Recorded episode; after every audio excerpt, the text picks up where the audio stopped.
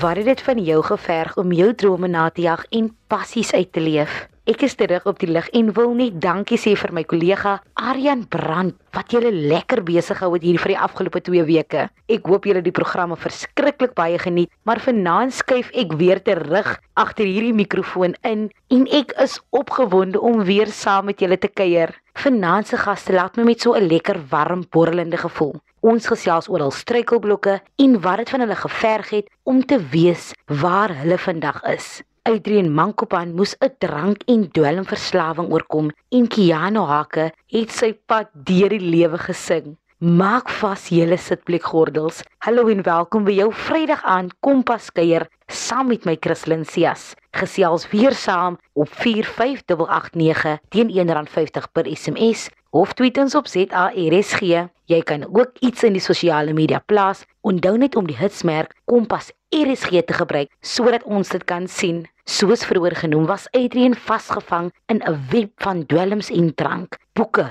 het egter vir hom uitweggebied. Kom ons hoor nou sy storie. Adrian, ek het 'n storie gelees waarin jy vertel hoe boeke jou uit die kloue van drank en dwelms gered het. Vertel ons 'n bietjie meer daaroor. Weet jy dit dit het op 'n baie snaakse manier gebeur. My ma het romantiese boeke gelees en ek het die boeke gevat en dit saam begin lees en met die lesery het ek aanklank gevind by dit want ek was 'n kind en ek het wat het ek verstaan van romanse? So die liefde daardeur begin en toe het ek uh, my ma vir my uh, ingeskryf by 'n biblioteek wat maandeliks my boeke gestuur het en ek het net boeke begin lees en wat toe gebeur is ek het toe baie vrae gehad en ek kon nie praat nie ek kon nie ek het nie ek kon nie na iemand toe gaan nie. So wat gebeur het is ek het toe my vrae neergeskryf my concerns en ek het toe biblioteek toe gegaan en spesifieke boeke gaan uithaal wat praat oor die challenges en die goed wat ek nou mee worstel en dit het my beter begrip en understanding gegee uh, van waar ek gaan en ek kon dit beter hanteer. En hoekom was jy so diep ongelukkig as kind? Ek sou sê die rede hoekom ek diep ongelukkig was as kind is en obviously is daar baie redes, maar as ek nou een spesifieke rede moet kies, sal ek dink ek het constantly my lewe compare met ander mense, met ander kinders. Ek het constantly gevoel hoekom is daai kind slimmer as ek? hoekom is daai kind mooier as ek? Hoekom dra daai kind uh name klere? Ek het byvoorbeeld nie ja daar was tye wat ek het gedra het maar ek praat van overall. Hulle het 'n groter huis as ek hulle het 'n beter stoof as ek. Hy het sy eie kamer ek het nie my eie kamer nie. 'n hele klomp goed. En onbewustelik omdat ek elke dag oor dit goed gedink het het dit onbewustelik 'n realiteit begin word by my en dis die lens waartoe ek my lewe gekyk het. Ek het constantly my lewe compare en sonder dat ek dit agtergekom het, het dit 'n diep ongelukkigheid in my gebring wat ek eers geweet het daar is. Op 15 jarige ouderdom het jy begin drink. Wat sou jy sê het daartoe aanleiding gegee? Met dit dat ek was nou constantly myself compare met ander kinders en ek net voel ek is nie goed genoeg nie en ek is nie waardig genoeg nie, ek mos nou die baie die swak selfbeeld wat ek het en ek kon nie opstaan van myself ek kon nie sê hoe ek voel nie. En uh een Kersfees begin drink was en uh die Kersfees voel ek toe ek nou dronk is dat ek kan opstaan vir myself. Ek het 'n boldness ek kan sê hoe ek voel ek het 'n confidence ek staan nie terug nie ek is nie bang nie. En dit is waarna ek verlang het toe ek nigter was dit is wat ek gewens het ek kon wees as ek nigter was en hier vind ek dit toe in alkohol en dwelms en op die betrokke aand besef ek dit is dat ek voel goed. Ek voel goed oor myself. Die stemme in my kop, daai stemme wat konstantlik vir my myself kritiseer, is stiller in my kop en dit het eintlik vir my ge, ge, gemaak dat ek regtig half en half dependent word op 'n nie noodwendig verslaafie maar dependent om te cope op my day-to-day -day routines. Sjoe, ek hoor jou. Jy was daarna vasgevang in nie net drank nie, maar ook dwelms. Watter impak het dit op jou lewe gehad? watter rigting het jou lewe toe ingeslaan? En met dit dat ek nou dependent op dit is om elke dag net hierdie dag te kom, het ek half en half verslaaf aan dit geraak en ek het dit meer en meer begin gebruik. En mense het nie verstaan nie, maar dit was my manier hoe ek gekoop het met waar ek gaan, want ek niemand het ook geweet waar ek gaan nie. Niemand het ook geweet dat ek oorweeg selfmoord nie. So wat toe gebeur het is ek het toe uh meer en meer begin drink en met die gevolg het ek begin steel om my habits uh uh, uh te kan maintain om om om om te kan voorsien in in die in die drank en dwelm behoefte wat ek het en mense het my afgeskryf en ek eindig toe op by die begrafplaas ek verloor my werk en ek loop vir daai dieselfde klere en ek tel sigarettoppertjies op om te rook. Steel het 'n hofsaak gehad en my lewe het net agteruit begin gaan en dit was net moeiliker en moeiliker om op te staan. Dit was net moeiliker om om lig te sien want ek het gedink daar's hoop vir my en ek het gedink ek is waardig of goed genoeg. Ek het gedink is klaar my lewe is verby. Jy is deur diepe waters. Wanneer het daar 'n keerpunt vir jou in jou lewe gekom? Keerpunt het begin ek het 'n liefde gehad vir lees en ek het toe die Bybel begin lees wat moeilik was want ek het die Here blameer vir hoekom my situasie nou is soos ek is en ek het gevoel hoekom het hy my in die wêreld gebring as hy geweet het dit is hoe my lewe gaan opeindig. So dit was moeilik, maar ek het ek was desperaat. So ek wend toe vir my tot God, dieselfde God wat ek dan nou toe blame en voel hy's verantwoordelik. In die meantime is dit mos ek wat toe besluit het ek wil drink en rook. Ek wil dwelms gebruik en dit veroorsaak dat ek in die begrafplaas opeindig. Dit veroorsaak dat ek vir Dani se klere loop. Maar ek is desperaat en ek begin lees oor die Bybel en ek kry toe vrede en 'n blydskap in my hart en ek begin 'n verhouding met God en dit het my gehelp. Dit het my die boldness en confidence gegee ek het tevrede gehad en ek het begin goed voel oor myself en ek het gevoel ek is waardig genoeg en ek het gevoel ek is goed genoeg en uh mense het my gehelp, baie mense, my ma het my begin help. Uh mense het net hand bygesit en gesien ek wil verander en 'n uh, toevoeg van klomp mense se hulp en ondersteuning het my gehelp om daai turnaround point te, te bereik in my lewe. Ons is saam met jou trots dat daardie keerpunt gekom het en dat jou lewe nou op koers is. Waar is jy tans in jou lewe? Ek is op 'n goeie plek in my journey tans. Ek is happy. Ek het vrede in my hart. Ek het 'n klee visie vir my lewe. Ek weet waartoe ek op pad is. Was moeilik om hier te kom, maar lees 'n kombinasie van lees en mense se ondersteuning het my gehelp om hier te kom waar ek vandag is en ek kan net terugkyk en sê dat die Here is goed vir my en ek is nie waar ek wil wees nie. Ek het nog 'n pad om te gaan, maar ek is ook nie meer waar ek was nie. En dit is dan my fokuspunt. Ek is nie meer waar ek was nie en dit hou my. Ek probeer elke dag 'n verskil maak oral waar ek kom. Ek wil 'n verskil maak. Ek wil iemand help. Want ek wens ek het iemand gehad toe ek 15, 16 was wat my kon help, wat net kon luister na my, wat my kon guide. En vandag wil ek dit wees vir daai persoon. So vandag doen konsult uitdien kampe, werkswinkels, seminare om mense te leer om eienaarskap te vat vir hulle eie lewe. Uit persoonlike ervaring, watter boodskap of liewer stof tot nadenke wil jy mense mee los wat hulle dalk bevind in 'n moeilike situasie? Ek sal sê moenie jou lewe kompeer met ander nie. As jy altyd kinders wees wat mooier as jy is, wat wyser as jy is, wat slimmer as jy is, wat ryker as jy is, wat beter af as jy is, Daai is hulle journey. Jy het jou eie journey en dit dit mag miskien nou moeilik lyk. Dit mag miskien nou moeilik lyk dat ooh, ooh wat ek kan doen. Wat my gehelp het is ek het 'n brandende begeerte gehad terwyl ek in die begrafplaas geslaap het om mense te help. Maar ek kon nie verstaan nie van hoe kan ek die begeerte hê om mense te help, maar ek kan nie myself help nie. So wat ek vir jou daardie wil sê is is daai brandende begeerte, daai visie, daai wat jy elke sien, dit is jou verbeelding, dit daai is jou realiteit wat op jou wag. Volg daai begeerte na. Daai is reëel. Dis hoekom dit elke keer terugkom na jou. Dit is hoekom jy elke keer daaroor dink. Dit is reëel. Volg daai ding na. Daai is your way out.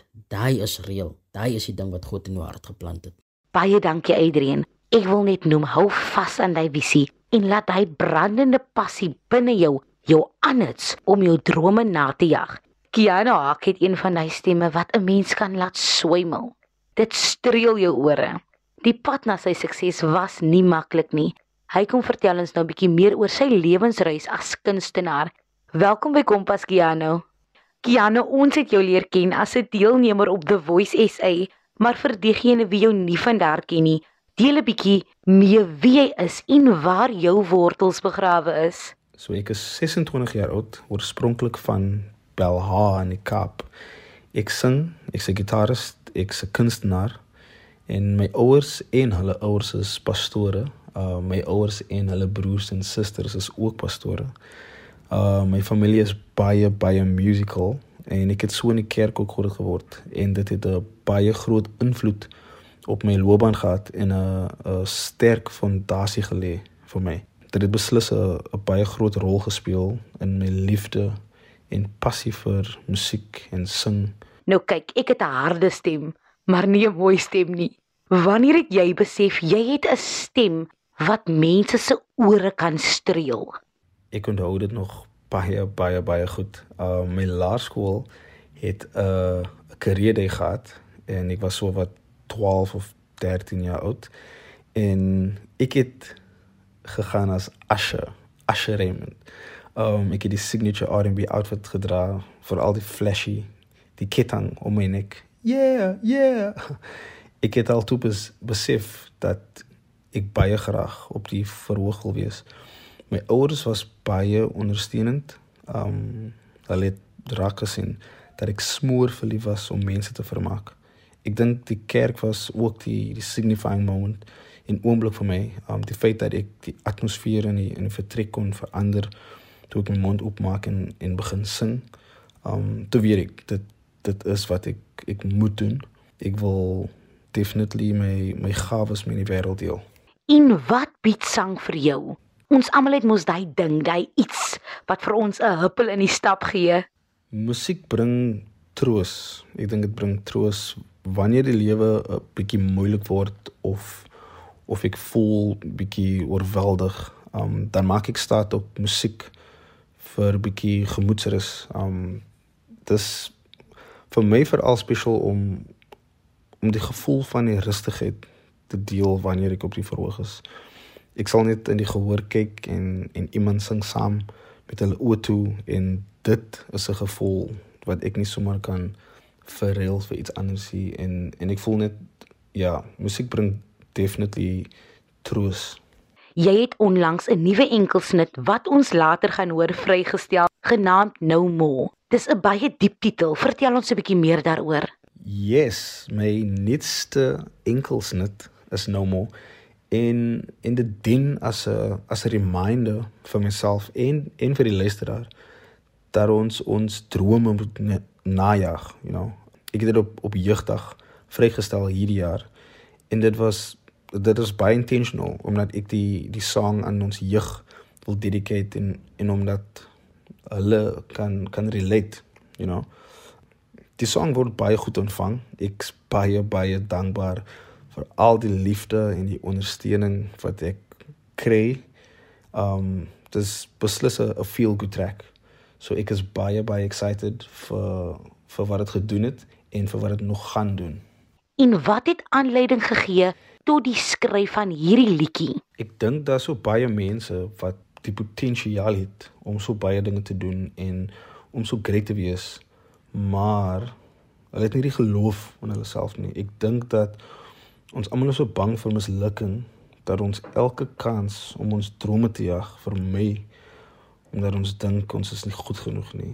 Die lirieke is is is veral baie opvallend. Um dit sê no more hiding, no more crying, no more backing down. In die song dien as 'n reminder vir ons almal, myself included, dat ons nie meer onsself agter gaan hou nie. So dit is dit is basies 'n reminder dat you know, have have a go-getter mindset. Wanneer jy nie op die verhoog staan en jou gitaar slaan nie, wat doen Keanu? Wat doen jy om net te ontspan?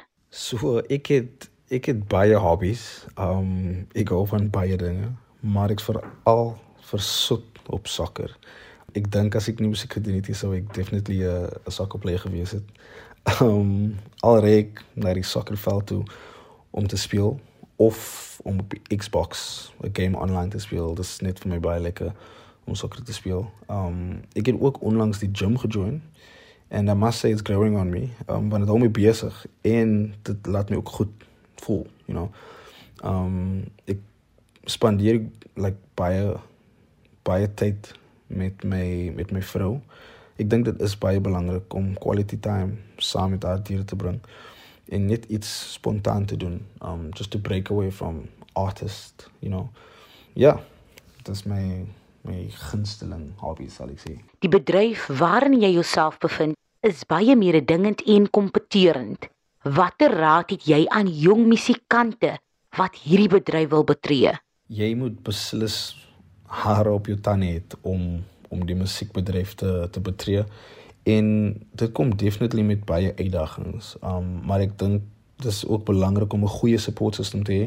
Um mense wat net die beste vir jou wil hê en en wat vir jou kan kan guide en ondersteun veral in in die moeilike tye.